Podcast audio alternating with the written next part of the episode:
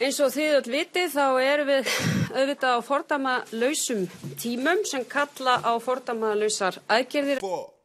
Fordama lausum tímum, fordama lausar aðgerðir, fordama lausum auðvitað á tímum. Eins og þið öll vitið fordama lausar sem kalla á aðgerðir. Fymtudagur 30. apríl 2020 40. dagur samkomiðbans Staðfett smitt eru 1797 117 er í einangrun. 6 er á sjúgrósi engin er á gjörgjæslu 10 hafa látist. 1670 hafa náð bata Við erum velkomin í nýjunda þátt sér útgáfu lestarinnar fordama lausir tímar. Í þessum þáttum höfum við verið að skrásetja þessa undarlegu tíma sem við erum að upplifa. Það hvernig fólk er að takast á við lífið í miðjum COVID-19 heims faraldri. Personlega sögur úr kóinu heimsóknir í framlínuna og vangaveltur um framtíðina. Í þætti dagsins skoðum við bæði upphaflýsins og endalokk. Við fylgjumst með ungu pari, eignast sitt fyrsta batn í miðju kófi.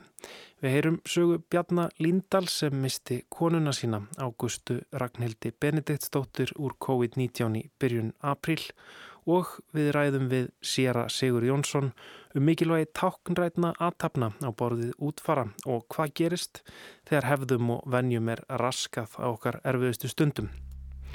Og við ætlum að hefja þáttinn á einni slíkri sögu.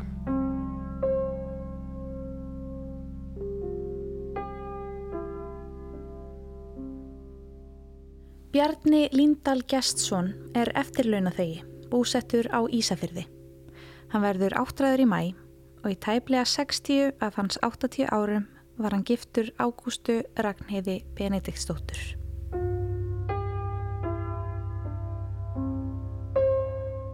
Já, hún var náttúrulega alveg endislega sko. Mikil, mikil húsmóður og barnakona sko hann er. Ól nú er fjögur börn hérna sá ekki sóluna fyrir barnaböndunum og ef eitthvað var þá uh, skjana hann alltaf, alltaf mikið við mig sko. Já, nú er ég nú er ég strand í mörgu sem ég þarf að gera hérna heima núna sko.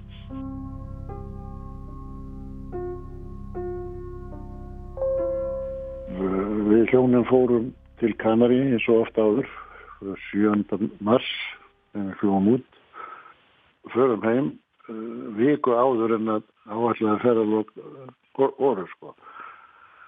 Fyrir mann í flugvel sem var sendt út uh, og fólk bæðist þess að að búið upp og það að fara heim. Það var ekki, ekki svo vel sem áallega vel sem að við áttum að fara með heim sko. Og þá er ég orðin veikur eða svona slapp og er bara að þetta væri flensa eins og maður hefur nú komið fyrir áður að maður nætt sér í það núti sko og svo eftir að við erum komin heim þá er ég orðið bara mikið veikur sko. Bjarni var orðin slappur úti, hafði jafnvel verið slappur alla ferðina en í flugvélni rakaði honum hratt. Um sólaring eftir heimkomu leist fjölskyldumæðlumum ekki lengur á blikuna. Dóttir mín sem við gistum hjá í Sandgerði Guðni, hún byrjar að ringja í allar áttir til að fá læknir til mín og eða sjúkrabíl og þeir fara með mig hérna í Fossvóin eða hérna borgarspítalan eins og ég kalla hann alltaf. Og þar er ég greindur með eiruna sko og þannig að ég enda upp á sjöundu hæðinni þannig að, að sjö. Hann var settur í einangrun og gefið súrefni. Engin komin á stofunans nema í hlýðargalla. Bjarni man ekki til þess að hafa verið óttaslegin en hann man hvað honum leið ítla og hvað aðstæður voru órunverulegar. Ég man eh, bara þegar ég er, er að mótmæla því að fara á spítalan og ég man eh, þegar ég er legst í börnum svo man ég ekkert sko eftir ég kem á spítalan sko. Ég, ég, þetta, er, þetta er bara það sem er sagt eftir þú sko.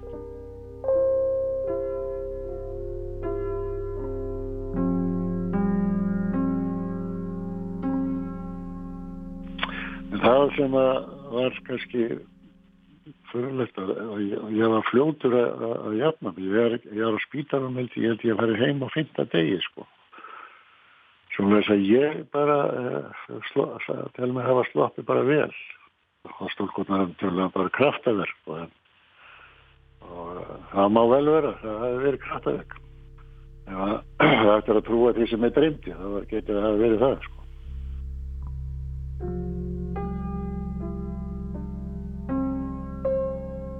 Já, mér dreymi það einu nóttina að mér, að mér, sem ég var alltaf rosalega kallt á fótunum. Það var alltaf svo leiðis, ískaldur á fótunum. Og mér dreymir að það hefði gripið utan um fætunar á mér með sjóðheitum höndum. Og mér bara, mér, ég dreymna að hittna mér bara alveg strax og og allt verið allt í lagi eftir það, ekkert kaldur á hóttanum og neitt sko. og, hérna, og við vakna fljóðlega líka við, eftir þetta sko. En uh, ég er ekki trúar og svona en þetta getur vel verið. Þetta getur tælist kraftaverk ég veit það ekki.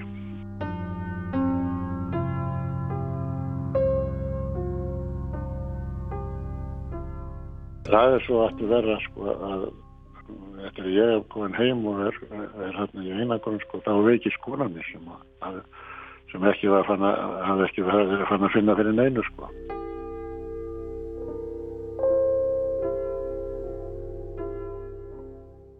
Ágústa var veik fyrir, bæði í lungum og var með sigursíki 2.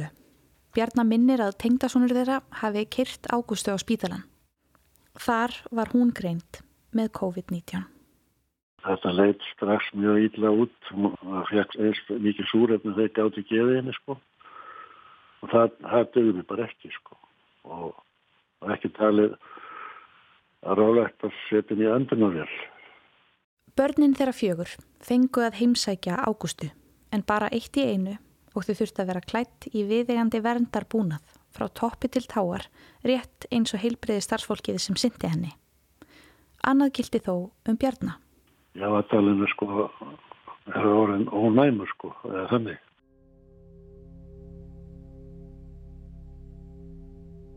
Ég var allt kvöldi þannig að kvöldi henni og svonur okkar líka fengum við að báða henni og uh, hún var þegar hann kemur sko þá þá var hún orðin rænlus og síðan bauðst okkur það að ef einhver trösti sér til þess að sýtja yfir nóttina í þessum galla sem það þurft að vera í sko. þá væri það sjálfsagt og það er dóttir, dóttir okkar sem býr hérna í sæl hún tók það að sér. Þannig frá hérna, kvöldi til fimm í morgun eða ég næti aftur. Og við heililega aðstæður. Þá hefði all fjölskyldan verið þarna sko. allavega sko ég og, og, og börnum okkar sko. Það var ekki hægt að leiða það sko Ágústa lést setna þennan dag. Það var náttúrulega bara, já ég er svið ekki en það bara allt með ég bara saman sko, alveg. Bjarni var einn hjá Ágústu þegar hún dó. Eða hér um byl, starfsfólkið sem annaðist hana, annaðist hann ekki síður. Stúlkurnar aðna voru svo indæla sko, voru að koma til minn og það var um að setja slá mér sko þetta er því sem það hefur tíma til Hann sá lítið framann í fólkið fyrir hlýðarbúnaðinum en nærveran var dýrmætt og þá sérstaklega þegar komað einum hjókurnafræðingnum sem átti ættir að rekja á Ísafjörð. Að hafa eitthvað hálfvegis kunnulegt í þessum framandi og ógnveikjandi aðstæðum reyndist Bjarnar Huggun. Það var mikil styrkur sem að ég þekkti til hennar. Ég veit ekki hvernig það, það því stendur og það hjálpaði mig mikið. Sko. Tengdasónur Ágústu og Bjarnar vektist einnig og þurfti að leggjast inn á spítala um hríð. Dóttir hjónana sem hjúgraði þeim báðum fór aftur á móti þrísvarsinnum í greiningu en svarið var alltaf neikvægt.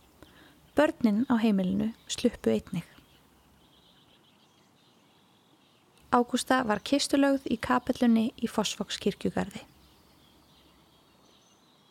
búið að gefa leiði ef maður kistum væri opil eins og það er nú venjulega gert sko En uh, þegar við erum að, að keira frá Sandgeri til Reykjavíkur og langlegina þegar það er fint og sagt að það væri, væri bannað að hafa kistan opna. Það er svona, það er svona blendin tilfinning vegna þess að það er nú eitt sem var ekki hægt að gera, það var snirtana. Það er ekki tjótt að snirta eða að setja líklegið, það er, það er bara sængakoti. Og þetta já, þetta sem það er sett í hérna einhver stakkur með rennilós. Þannig að hennar vegna kannski það er kannski ekki verið alltaf en sérstaklega spennend að það væri hópin sko. Það var líka það, það gátt ekki allir sko fjölskyldan dóttur minna sem við gistum hjá og var allir sótkví og gæti ekki, ekki mætt sko það voru þarna sjö, já, sjö, sjö aðstendendur þar sem ekki gæti komið.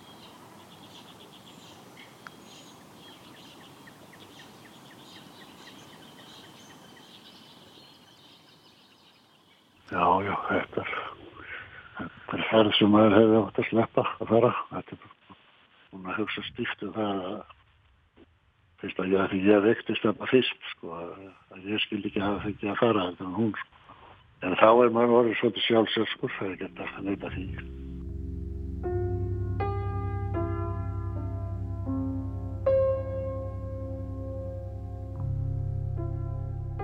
Ég hef ekki sagt það að ég kannast við þá tilfinningu hvað kallast smitt samvinskubitt. Ég hef búin að vera með það mikið sko ég smita sko hana og svo annarkot við bæði eða hún smita svo tengdarsónu sko. Það er ekki um hann að ræða því að það er þetta einu sem veikist á maður heimilinu sko. Og það er sko svolítið sátt líka sko. Það er aldrei að þessu og, og, og, og sleppa einna best út í með að það flottur hefna sko.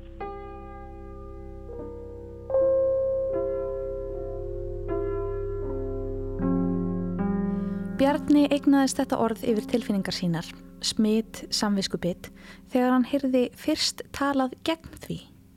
Heilbyrðis yfirvöld hafa kvart fólk til þess að gera ekki einstaklinga að sökudólkum þegar kemur að koronaveirunni, en Bjarni finnst erfitt að bæja skömminni á brott.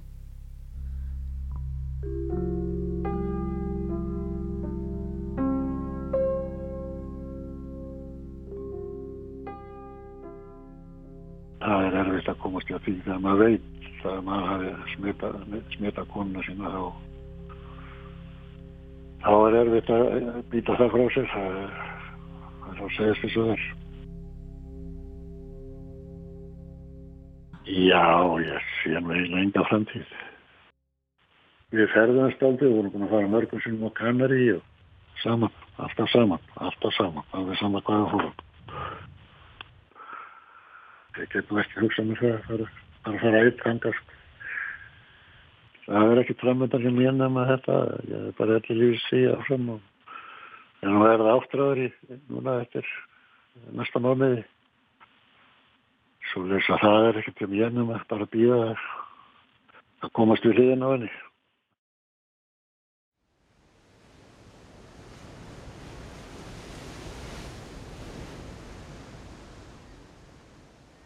Fjölskylda Ágústu beigð um nokkurt skeið eftir að fjöldatakmörkunum á Ísafyrði erði aflétt, þar sem aðeins fjórir hefðu mótt vera í kirkjunni við útfur hennar.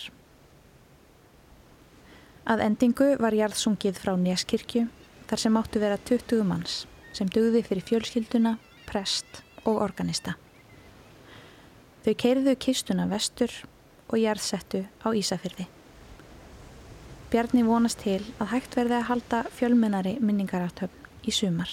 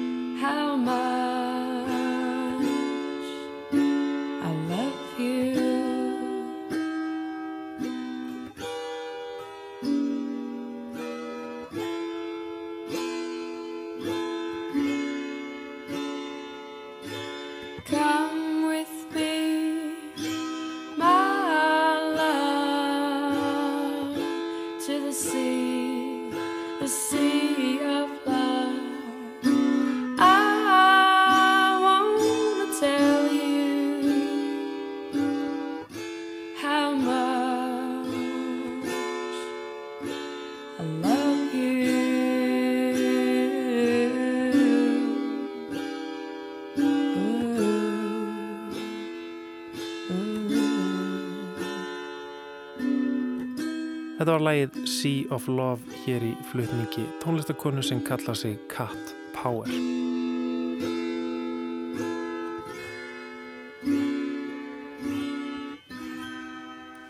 Hann er sestur hérna hjá mér, sér að Sigurður Jónsson, sóknarprestur í Áskirkju. Við ætlum að ræða aðeins um já, helgi síði og, og aðtapnir á, á tímum heimsfaraldurs.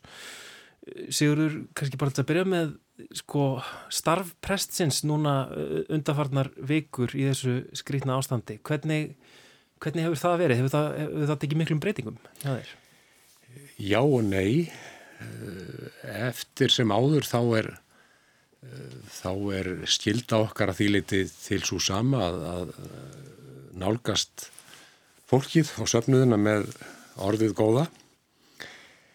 En þegar að ekki lengur hægt að kalla fólk saman þegar það er samkominn bann og, og fyrst var það nú líka gefið út að ekki þó áður en að samkominn bannið varð þá var búið að mælast til þess að fólk er ekki tekið til alltaris þannig að það smá þrengti að helgihaldinu þánga til að samkominn bannið tók algjörlega gildi um miðjan mars.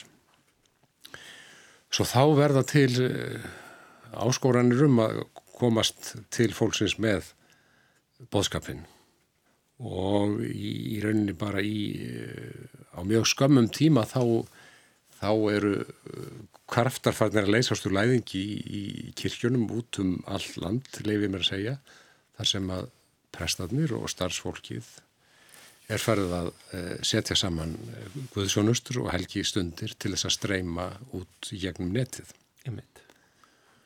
Og það er held ég með að segja bara mjög almennt og víða sem að þetta hefur gert með góðum árangri og, og það er að heyra það sé mikið áhorf á þessar stundir. Já, Já, og síðan hefur á ríkisútvarpið átt sinn goða hlut að máli þessu líka því að útvarspersonar hafa ekki fallið niður. Þær hafa verið sendar út beint meira á minna á sunnudögum og og hefði góða tæknilið útvarsins komið á staðin með bílinn og, og sendt út úr afar fámennum aðtöfnum þar sem að starfsfólk og prestur og aðrir, aðrir hafa verið samankomnir og lagst á eitt við að gera messuna eins og erlugarð og hægt er miða við aðstæður og, og, og söng fólk og aðrir. Einmitt. Þetta eru náttúrulega, þetta eru uh, messunar um, en, en svo eru allar þessar um, já, aðtapnir um, helgi, helgi aðtapnir sem, a, sem að við göngum í gegnum á, á æfinni, það eru skýrnir, það eru fermingar, það eru uh, giftningar og jarðafarir mm. kannski já, það hefur kannski verið minna um allt þetta nema það kannski jarðafarirna sem er uh, ómögulegt auðvitað að, að fresta. Já, ég held að með segja það uh, fólk hefur eftir því sem eftir minni reynslu þá hefur fólk algjörlega dreyið sér lið með skýrnir býður átekta bara eftir betri tíð og og fermingunum hefur frestað til höstsins víðast hvar, það verða nú einhver staðar, fámennar fermingar um kvítasunna gerir áð fyrir.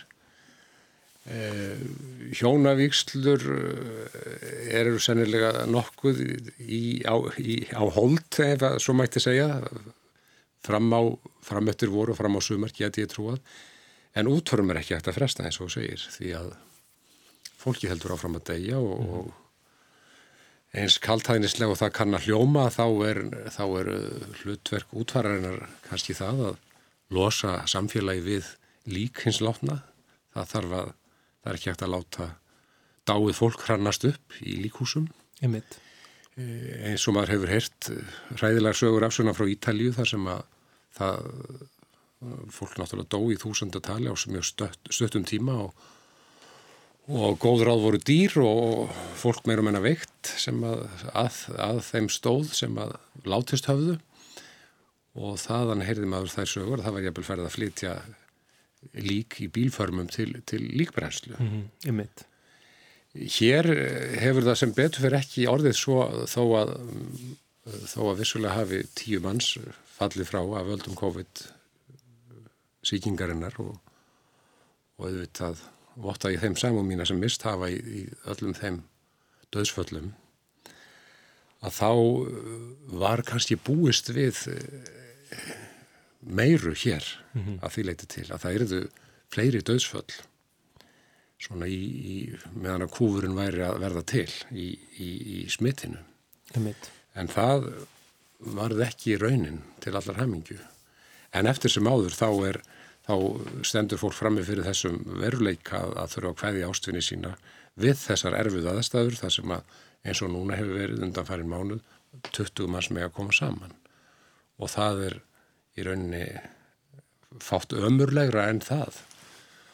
Og um, fólk eh, ekki nómið að að hérna standi fram með fyrir þeir þurfa að velja kannski í útföruna hverjum meg að koma og, og hverjum verður þá að, að, að halda frá.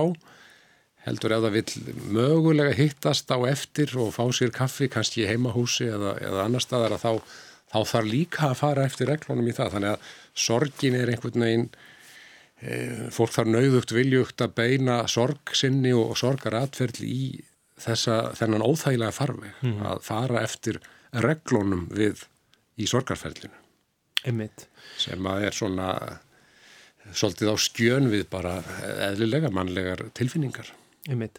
Sko nú er um, já, eru útfarir og, og, og þessar svona uh, grefturinnar síður og aðtæmnir, þetta er rosalega svona hefðfast einhvern veginn og, og við erum vöni að gera það ákveðin hátt.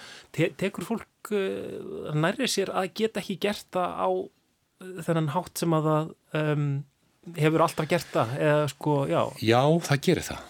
Ég finna þetta uh, tekur á fólk mjög og um, en það eins og við vitum fólk hefur ótrúlega mikla aðlugunar hefni að erfiðum aðstæðum og lætur þetta einhvern veginn yfir sig ganga við viljum öll leggja okkar að mörgum það er samstæða mikil í samfélaginum að leggja, hver leggja sér þetta mörgum eða að halda smiti niðri og, og draga úr samkomum og öllu þessu og samskiptum einbyrðis og og það uh, lætur sig hafa það í þessum mm. aðstæðum líka, finn ég. Mm.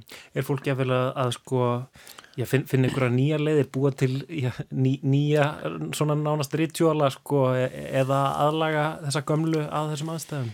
Það er... Frumlega leiðir til þess að... Já, það, aðeins hefur verið um það að, að sko, fó, í sjálfum sér hefur form að útfarana verið hið sama vandir að öðru leiti en því að það er, það er allt fámennar, það er, það er kannski bara eitt söngvari eða mjög fámennur kór og, en, en e, líkraðan er, er með sama sniði og rítningarlestrar og annað slíkt.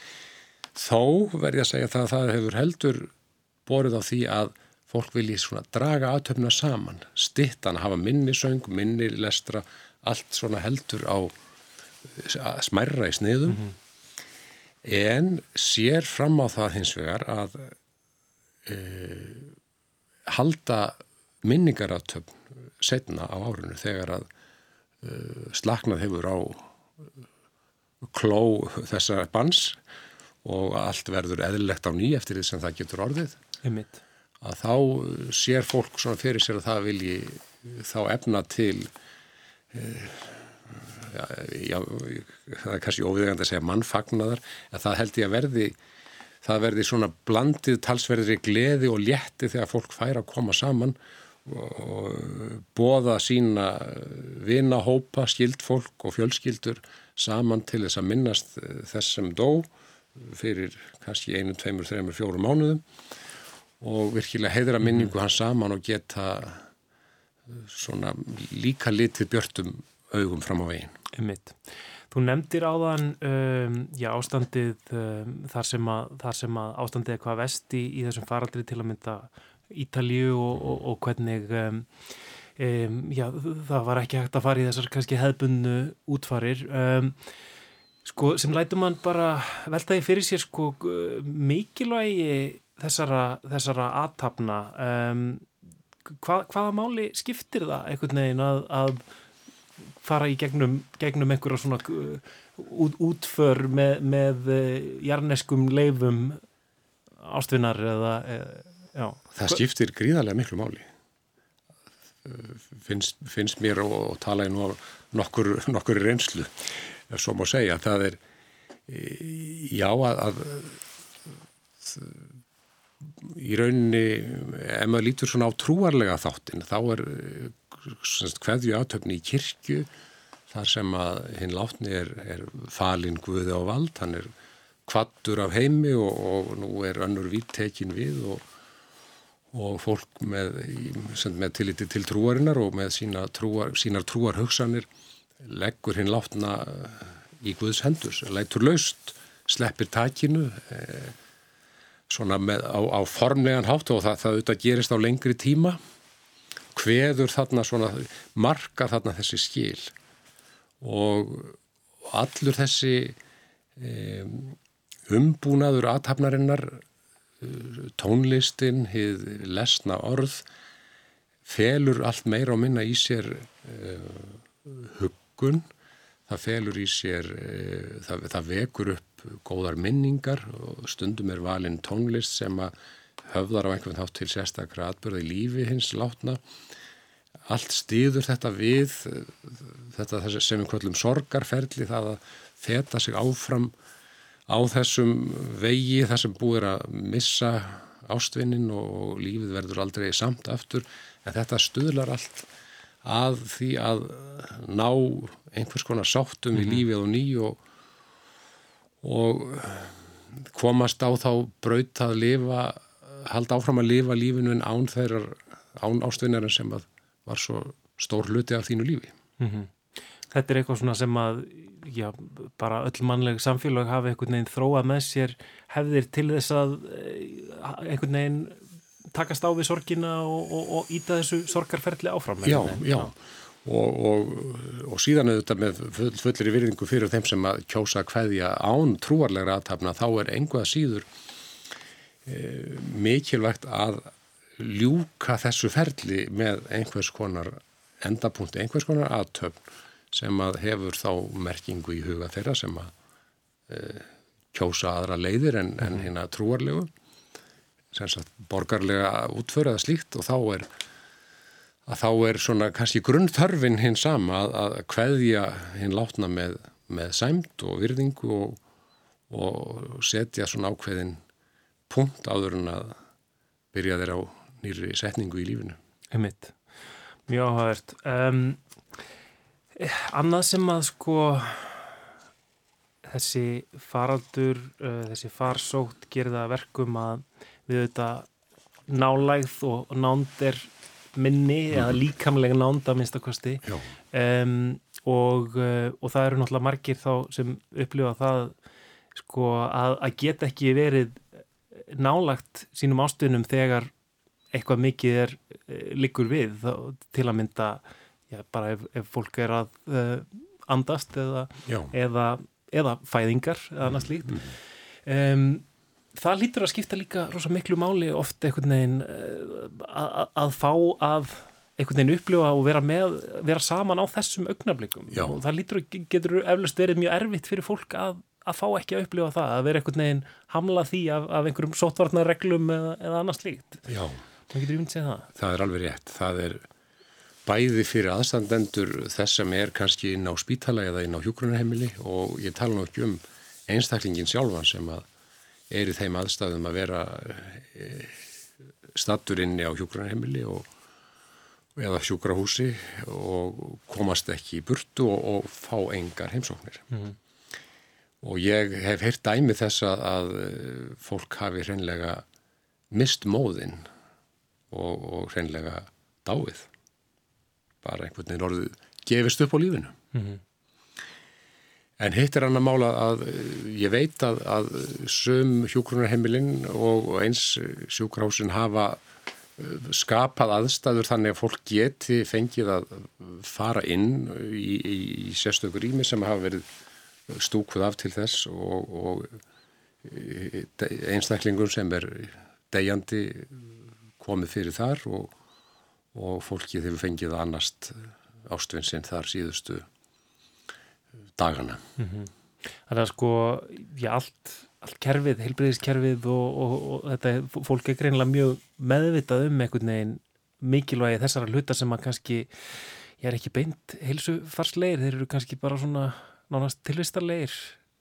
Já, það má segja það. Að, eh, að deyja ekki einn eða, eða fá, að, fá að vera með ástvinnum sem, sem að eru að deyja. Já, já. já. Í Jópsbók segir endar nækin kom ég á móðurskauti, nækin mun þannig aftur, aftur hverfa. Þannig að maður, uh, alltaf er maðurinn einn á endanum einhvern veginn en, en einhverða síður þá er þetta hverju manneski mjög mikilvægt að hafa einhvern hjá sér. Ver, vera ekki einn og í allri okkar umræðu og, og aukinni vitund um þessa hluti svona síðustu áratví allavega. Og þá er þetta ekki lengur um, það feimnismál sem þetta var. Það er, nú tekur fólk meiri þátt í í lífunu bæði við fæðingu og dauða og, og vegra sér ekki við því að, að vera hjá ástöðunum sinum sem eru að hvaðja og, og, og styðja við það og styðja líka hvert annað í, í þessu ferli því að þetta byrjar fólk að sirkja áður en manneskjan er dáin oft á tíðum þegar að erfiðu sjúkdómur er búin að Einmitt. fara sínu fram Einmitt. Sér að Sigurur Jónsson sóknarprestur í Áskirkju takk kærlega fyrir að koma hérna í lestina og ræða helgi, siði og aðtapnir á tímum heimsfaraldur Takk fyrir mig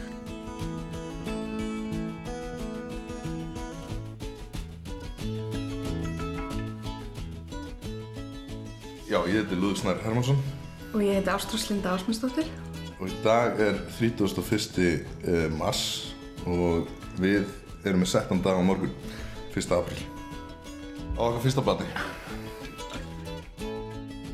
við hérna eh, ákvaðum að að pröfa að eh, reyna eignast bann og Gekk svona vel. Gekk svona vel að það bara var fljótt að koma. Og já, þannig að það er bara kjartalega velkomið. Ég er með mígræn reyndar þannig að það var svolítið leðilegt að fá slæm mígrænskvöst svona um miðbygg meðgangunar en annars er heilsan verið bara ótrúlega góð og já, ég get ekki hvort að líður ennþá mjög vel.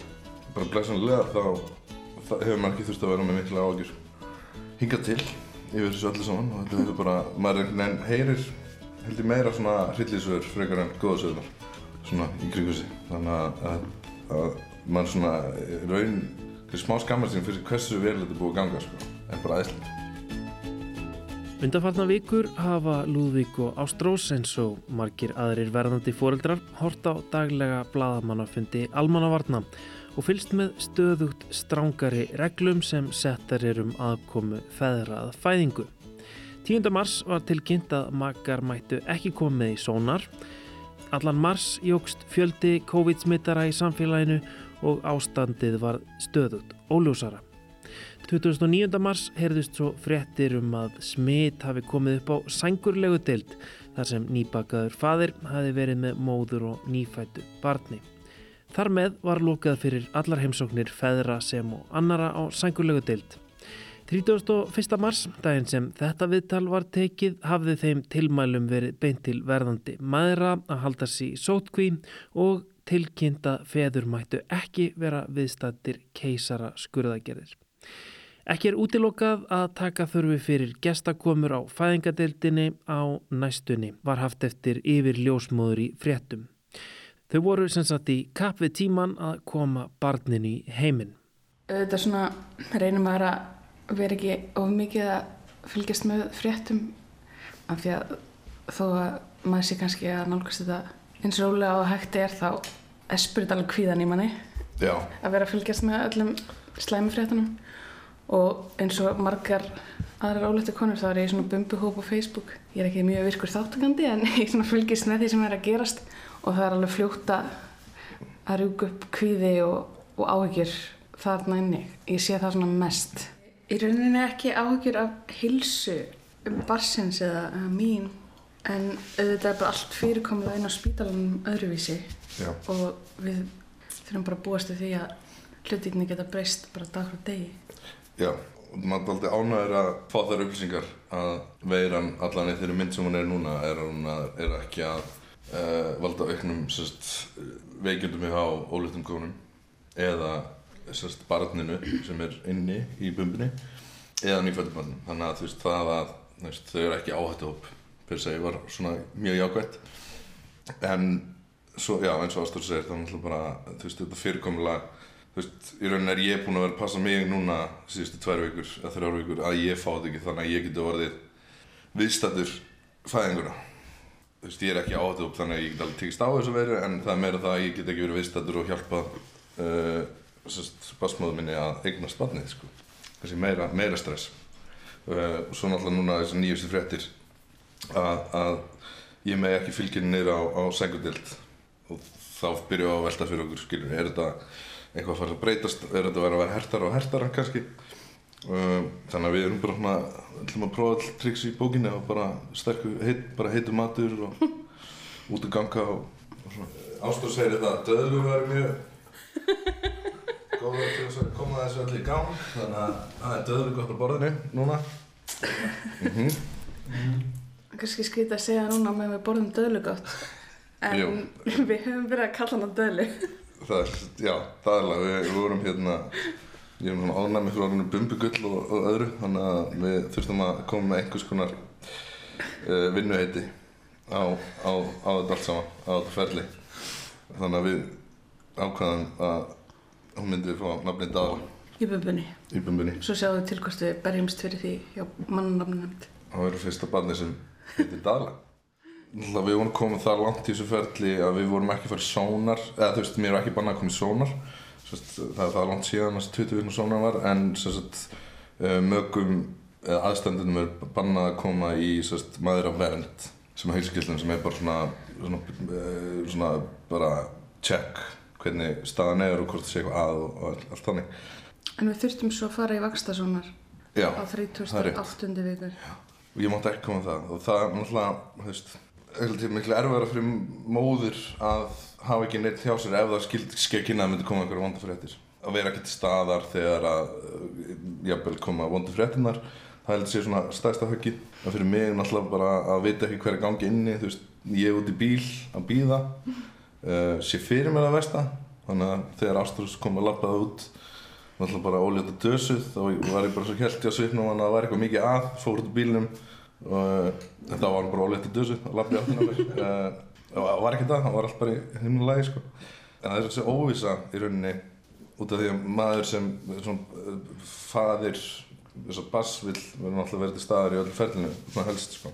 það var náttúrulega það sem kom líka á fundunum í dag og í gær var það að bara konur eftir 37. viku ætti að vera í þannig séð sótkví eða sjálfskeipaðri sótkví og það er það sem við erum búin að vera að reyna að gera uh, er að, að bara veist, takmarka það fólk sem við heitum Og það breytist líka í dag varandi keisara. Já, þannig að vonandi þurfum við ekki að, að þarf barnið ekki að vera tekið með keisar Svona því að það er svo mikið af læknum sem koma að þeirri aðgerð að, að það er bara ekki tekið neina sens sem er skiljanlegt líka sko. En eins og staðan er í dag, jú, þá bara 7.13 En ég er svona sjálf, Lúla, finnst þið kannski heldur svart sín. Ég er, mér finnst ég verið að búast við því að þessar reglur verði herta bara á næstu dögum veikum. Þannig að því fyrir því betra.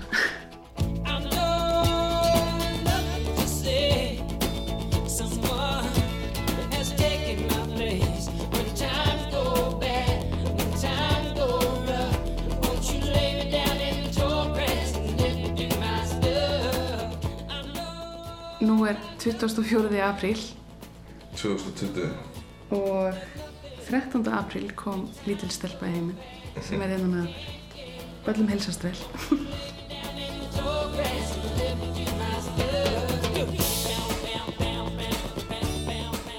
Við erum alltaf sett 1.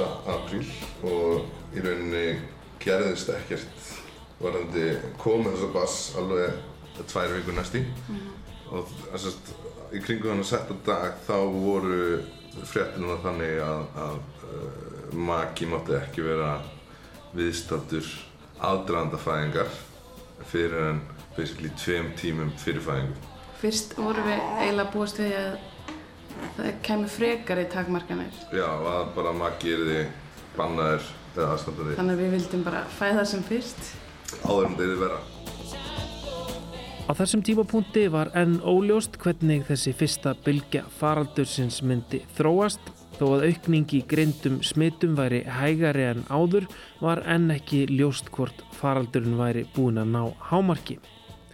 En svo reyndist blessunarlega vera og fljótlega fór virkum smitum að fækka og reglurnar voru þar með ringaðar. Svo bara einhvers staðar þarna þegar koma inn viku fram yfir og þá uh, sagt, endur skoðaði þessa reglu með að aðstandandi megi vera í aðdraðanda fæðingar. Já, þegar vorum við- virkfæðingur Já, virkfæðingir hafi og þá vorum við náttúrulega mjög ánægð með það og þá vorum við einhvern veginn bara áður en þau sjá eftir að hafa hleypt þessu aftur í gang að nú bara þurfum við að bara reyna allar kunstir með því að koma þessu barni heiminn en allt kom fyrir ekki og já, hún er búin að fá tíma í setta gangsetningu sem var sagt 14. apríl og svo fer á páskadag þá uh, um morgunin byrjar Ástós að finna fyrir verkjum Já, hérna svona þegar við komum heim um, eftir mat, páskamatinn, þá byrjar þessi hríðir að vera dálítið svona reglulegar og þá er bara stofinni umturna og breytt í, í Fæðingarstofu. Jókabolti og, og jókadínur og allt nota. Það er bara frekar svona langur, langt kvöld þar sem hún er í þessum reglulega svona líður kannski 5-6 mínútur á milli síðan og með alltaf hérna ringjum kannski tvis að þrjus ára upp á fæðingardild og spyrja hvort það með að fara að koma inn og þá bara er okkur sagt að fara Kom okkur. koma okkur kl. halv fjögur á nóttina En þá þurftu að meta fyrst hvort ég væri komin í virkafæðingu, fjóra eða meira útveikun. Og meðan þurfti Lúla byggði bíl. Nú er klukkan hálf fjör á nótt til. Ég er, eða mætti upp á, á fæðingadeild. Uh, skrýtni tímar. Mátti ekki fylgja henni upp. Þannig að eina sem við gátum gert var að þar tók við bið fyrir hana. Þegar það var allt uppfullt. Mikið að gera. Þannig að eina sem við gátum gert var að vera í símtali við hana og, og þá fekk hún þrjá hríðir. Og það er svona svolítið skrítið að vita af henni liggjandi á gólfi og byggstofi og, og í meðri en skreitin tímar og maður skilur það að það þarf að passa upp á heilbriði starfsmenn um, vonandi fæði síntalegt smá vitandi það að þessi komið að þessu og ég megi þá koma inn og vera viðstæður fæðinguna. Maður er þreytur það er búið að vera langur langur aðdraðandi en vonandi bara verður þetta að gerast. Mm.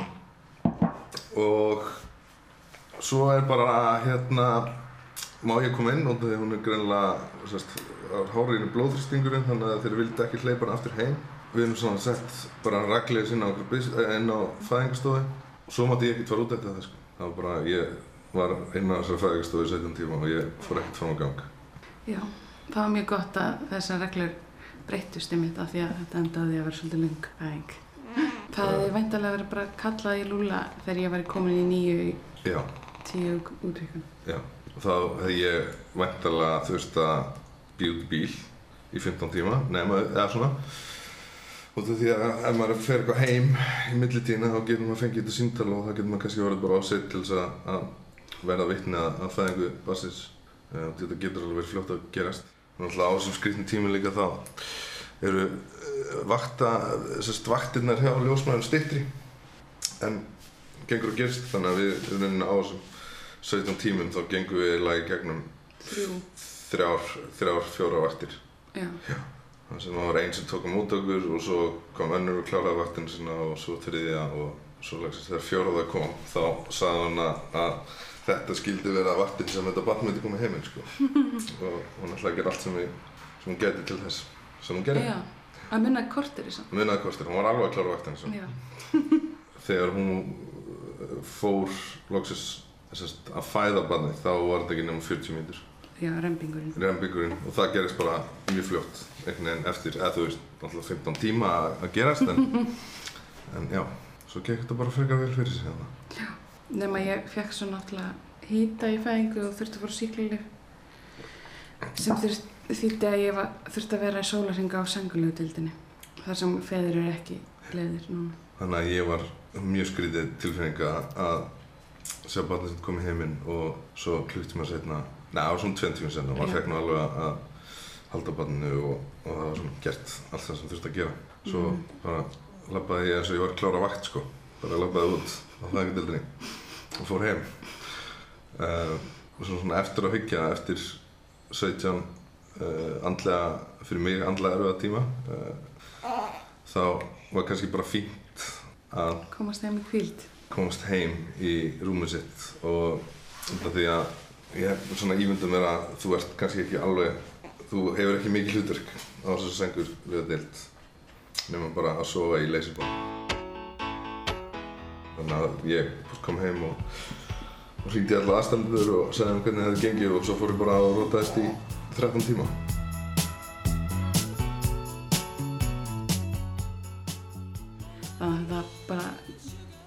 Blessaðist frekar vel með að við. Já, með okkar maður að stressa það fyrir. Maður líka, ég held bara að, að aðstæðunar inn á spítalunum voru ekkert það, þú veist, maður var ekkert var við fólk í einhverjum yfirþyrmandi hlýðarklæðnaði eða með grímur eða, þú veist, það var allt frekar eðlilegt og, og bara þægilegt umhverfi.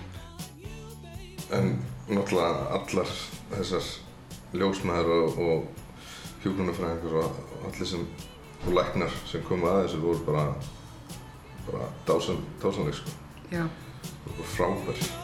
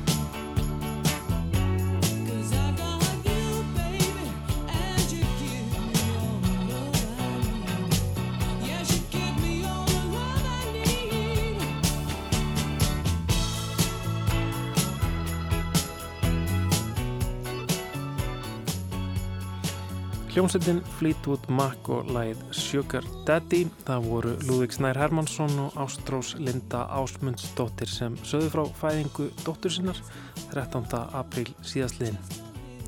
En þátturinn verður ekki lengri hjá okkur í dag, lestinn brunar samkvæmt áallun á mánudag en sér útgáfan er næst á dagskrá á þriðjudag. Alla þættina má finna í hlaðvarpi til að mynda Apple Podcast eða Spotify, leitið að fordæma lausir tímar og gerist áskrifendur þá fáið þið alla þættina sem eru helgaðir e, þessum fordæma lausu tímum, tímum heimsfaraldurs og COVID-19. Bendum líka á að þið getið senda okkur ykkar sögum, annarkvort skriflega eða hljóð upptöku á rú.is, skástrygg sögur úr kófinum, getið til dæmis tekið upp í gegnum hljóð upptöku forrið sem er í öllum vennilegum snjálfsýmum, til að mynda appinu Voice Memo í iPhone senda okkur rú.is, skástrygg sögur úr kófinum. En tæknum aður í dag var Úlfildur Eisnesdóttir, við þakkum fyrir safveldina, veriði sæl.